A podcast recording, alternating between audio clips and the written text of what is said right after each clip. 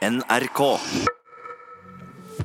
Så kan vi da si at det, ikke, det blir ikke en svamp, men det får svampens funksjon, på sett og vis. Ja, De har et forsøk eh, oppe i Gudbrandsdalen som vi skal snakke mer om etterpå. Men før det skal vi snakke om eh, eh, en veldig gammel eh, bok.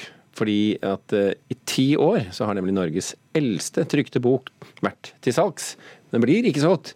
Vi snakker om Missale Nidrosiense. Eh, Det er en 500 år gammel bok, og flere eksemplarer av den er allerede å finne hos Nasjonalbiblioteket. Men ett eksemplar befinner seg hos en brukthandel i Sverige som sliter med å få solgt den. Og problemet er jo da selvfølgelig å finne en kjøper som er villig til å betale det det står på prislappen. Jeg vet du lurte. Slik høres det ut når det blas i en 500 år gammel bok.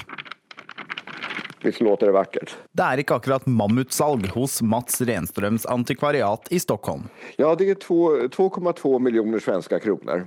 Men så er det til gjengjeld ikke hvilken som helst bok han har til salgs heller. Missale Nidrosiense ble trykket i 1519 og er en katolsk messebok som inneholder offisielle tekster og salmer brukt under gudstjenester på 1500-tallet. For eksempel av denne typen her. Det är så fantastiskt. Det här är ju Norges eh, första bok. Och om man tittar runt i världen så är, är de, de flesta första böckerna i olika länder är ofta små eh, broschyrer eller avlatsbrev eller lite slarvigt tryckta saker. Eh, Medan det här är ju fortfarande tror jag man kan säga att det här är en av de finaste norska böcker som någonsin har kommit ut. Renstrøms eksemplar har tidligere stått i bokhyllene til hertugen av Parma og kong Christian den sjette. Här har vi ett exemplar som eh, både, skikkmessig og i virkeligheten er rent kungligt. Men til Stockholm kom den en gang kongelige boka via Drammen. Ja, eh, jeg prøvde jo i 2009 å, å få solgt den. Da fikk antikvar Rikard Sørbø finne ut hvor vrient det er å finne kunder med samme kjøpekraft som en konge fra renessansen. Altså For boksamlere så er jo to millioner som er prisen. 2,2 mener jeg. Er, er, er, det, er, det er jo en reell, eh, reell saftig pris da, på en måte. Messebøkene, eller missalene, ble brukt frem til reformasjonen i 1537. Det er om lag ti igjen i Norge, tre av dem hos Nasjonalbiblioteket. Men siden gamle årstall og salmer kanskje ikke sier deg så altfor mye, lar vi ordet gå til nasjonalbibliotekar Aslak Sira Myhre. De er ekstremt viktige fordi at de er begynnelsen på vår eh, bokhistorie. Hvis du skal forstå boka og boktrykkerkunstens betydning i Norge og verden, så må du tenke at den endringen som kommer når du kan spre skrift til alle gjennom å masseprodusere det, den er mye, mye større enn det internett noen gang kommer til å bli. Myhre skulle gjerne hatt boka i Nasjonalbiblioteket. Men én ting står i veien. Det er jo ganske enkelt prisen. Og når Nasjonalbiblioteket ikke har det, så er det ikke noen andre institusjoner som heller har det. Og da blir han liggende der. Ja, det, är- det är nämligen underbart fint papper i det här. Det är alltså bästa kvalitet för sin tid. Tilbake i Stockholm er Mats Renström sikker på at han skal få solgt boka etter ti år på markedet. Men prislappen, den er urørlig. Nei, det, det, den, jeg, om det er noe jeg er kjent for, er at jeg aldri pruter. Reporter her, det var Øystein Tronslid Drabløs. I dag blir nominasjonene til den nordiske kritikerprisen Seriedagene Awards kjent. Prisene deles ut til skandinaviske drama- og komiserier som en del av seriedagene, der NRK er én av arrangørene. De norske NRK-seriene Heimebane 2 og Magnus er nominert til henholdsvis beste drama- og komiserie, og TV 2s Kilergata er også nominert som dramaserie. Juryleder og kulturredaktør i Aftenposten Cecilie Asker, god morgen. God morgen. Aller først, hvem er det de norske seriene skal konkurrere mot? De får jo eh, jeg vil si, ganske sterke konkurrenter eh, fra både Sverige og Danmark. Det er aldri blitt produsert så mye drama som det gjøres i dag. Og det har aldri blitt produsert så mye drama av høy kvalitet. Og det vi ser også, som er ganske morsomt, er at det er ikke lenger bare de statlige kanalene med gode finansieringsmuligheter som eh, produserer godt drama. Det gjør også de kommersielle kanalene. Og for første gang så har vi også en strømmetjeneste, Netflix, som er innholdsprodusent og ikke bare distributør. Mm. For de er også uh, nominert med sin første svenske serie, som heter Quicksand. Yes. yes. Hvordan ser du på det? Jeg tenker jo at dette speiler egentlig litt det bildet vi ser i dag, hvor det er en kjempestor kamp om publikums tid. Og plutselig så har innhold blitt den store valutaen. Så det betyr at de distributørene og de kanalene som kan stille med mest innhold, er de som tror at de kan vinne, da.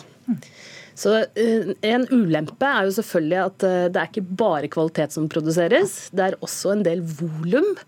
Eh, og det merker jeg Før så var det sånn at hvis det kom en serie fra HBO Nordic eller hvis det kom en serie fra Netflix som var egenprodusert, så tenkte tenkte man gjerne at, at, dette er høy kvalitet. Men nå ser vi også at det er en del ting som produseres bare for å treffe et visst publikum. Det lukter litt sånn fokusgruppe av noen av seriene som kommer. Men de som er nominert eh, i, til årets kritikerpris, de eh, kan man trygt se. Mm. Hva er det som kjennetegner eh, nordiske eller skandinaviske serier? Vi ser jo at eh, de nordiske og skandinaviske seriene har jo fått en enorm selvtillit når det kommer til språk.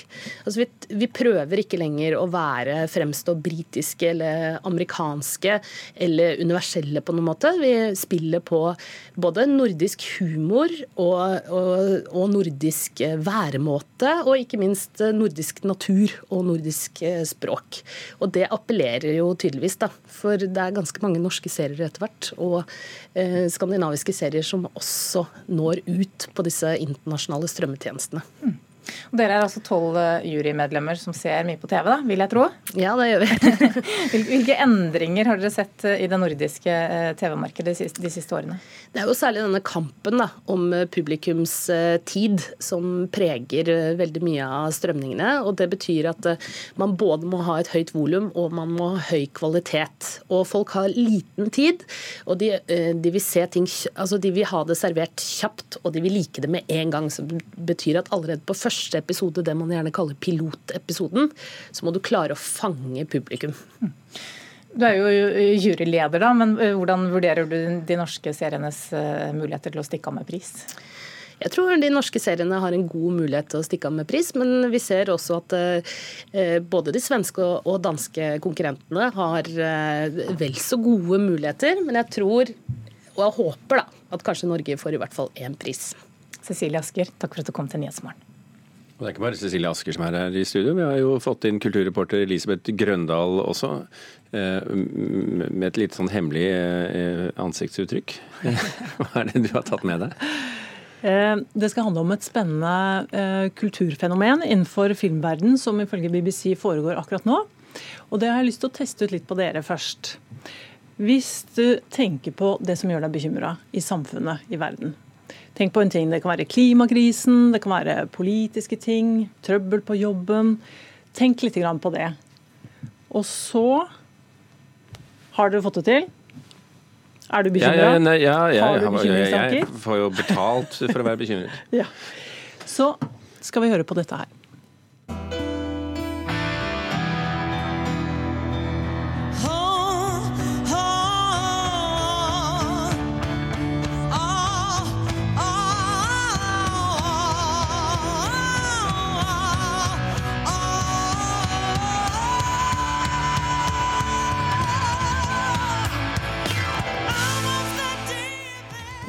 Nå må jeg bare spørre, kjenne etter nå.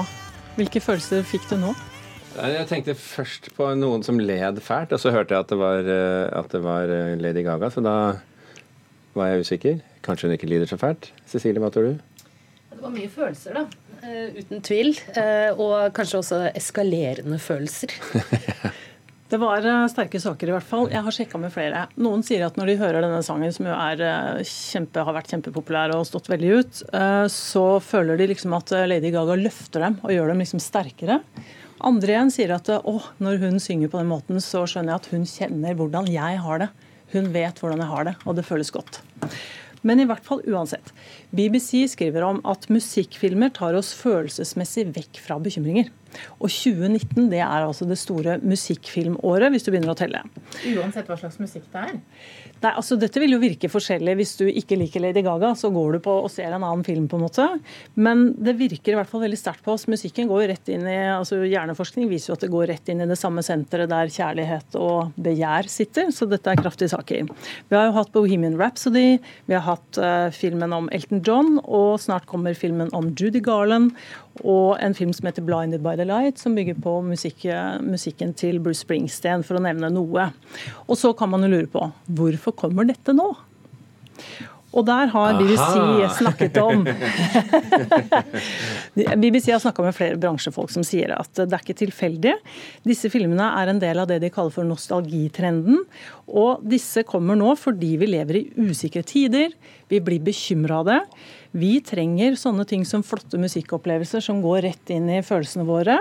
Helst i kombinasjon med et godt budskap, naturligvis.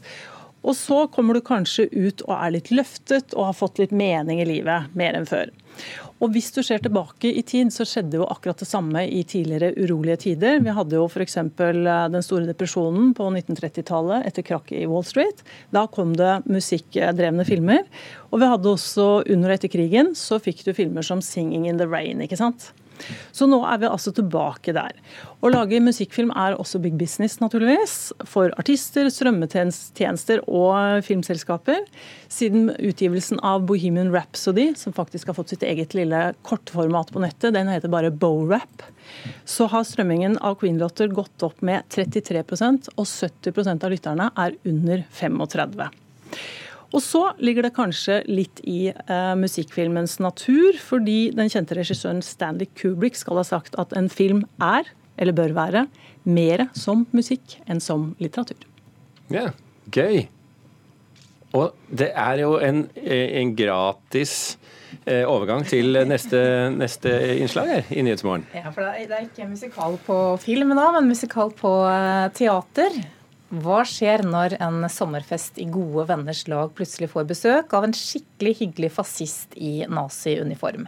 Svaret finnes i forestillingen Min venn fascisten, som hadde premiere ved Teater Ibsen i Skien denne helgen. Stykket er et samarbeid med Hordaland Teater, og den som lurer på hvordan Lars Lillo Stenberg høres ut som hyggelig fascist, får svaret i dette øyeblikk. Noen ror seg svett i motvind, men glemmer å stryke sin elskedes kinn. De går opp mot vind og presser på kryss, men glemmer å gi sin kjære et kyss. Dette er altså Lars Lillo Stenberg i rollen som den hyggelige fascisten Fridolf i musikalen Min venn fascisten. Musikalen er svensk hadde urpremiere i 2012. Teaterkritiker her i NRK Karen Frøsland Nystøl, god morgen. God morgen. Du har sett den. Hva slags musikal er dette her? Dette er en musikal der alt synges. Det er ikke én en eneste talt replikk, og jeg det, altså, jeg liker det veldig godt. At man kan klare å lage noe der man faktisk kan synge alt. Og, og når det er så, så godt gjort som det er her, for det er veldig godt gjort, så kjenner jeg kjenner at jeg blir litt sånn lykkelig av det. Eh, for det fungerer så fint. Teksten kommer så tydelig fram. Det er et ensemble på seks pluss denne Fridolf som kommer inn etter hvert, som synger.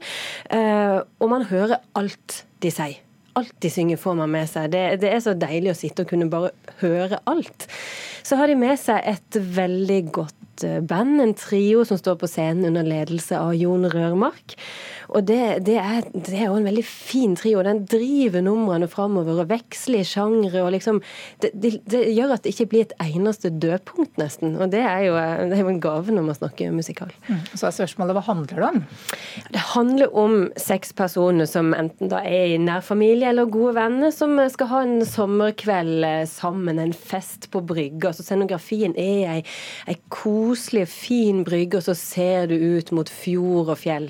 Og det er jo litt artig, for dette er jo egentlig en svensk musikal, men den utsikten de har, er jo skikkelig vestnorsk. Eh, Men, eh, men det er litt sånn hint av Solsiden, denne TV-serien, og alle karakterene har navn fra Bakkebygrenda, faktisk. Lars og Bosse og Ole og Anna og Lisa. Så det er litt sånn hint av svensk idyll i det hele. Men det er klart, ingen har det jo bra, selv om man har det bra. Eh, og plutselig, eller sånn selvfølgelig, så kommer temaet i diskusjoner fort inn på hvordan man har det, på politikk og alt. Og der sier, eller synger de ut det de faktisk mener. Altså det virkelige grumset som kommer langt nedenifra. Eh, så det er nesten som å høre kommentarfelt sugne ut. For det er jo så mye ilandsproblemer vi har, som, som kommer til orde. Og jeg tenker at Finn Tokvam, som har oversatt dette, må ha hatt en utrolig gøy, gøy dag på jobben når han har gjort enkelte av disse numrene.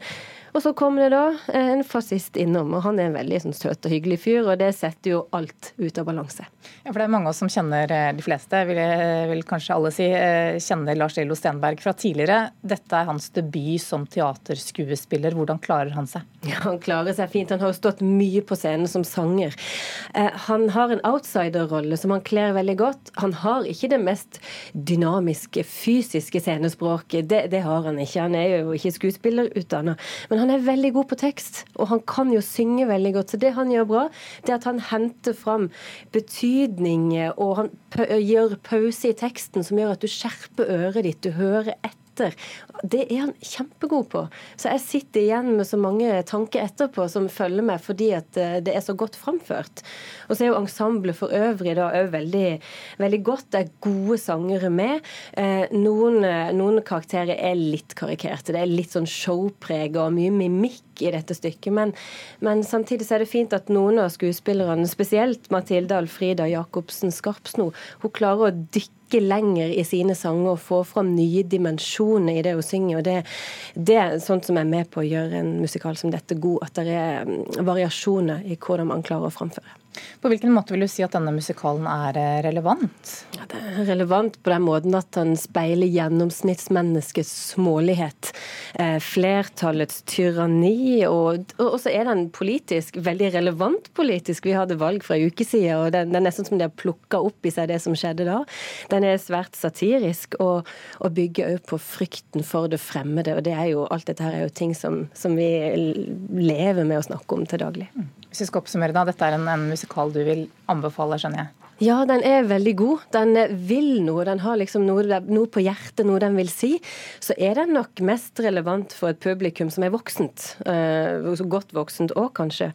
Men den er, den er, godt gjennomført, og det er veldig gøy i tillegg.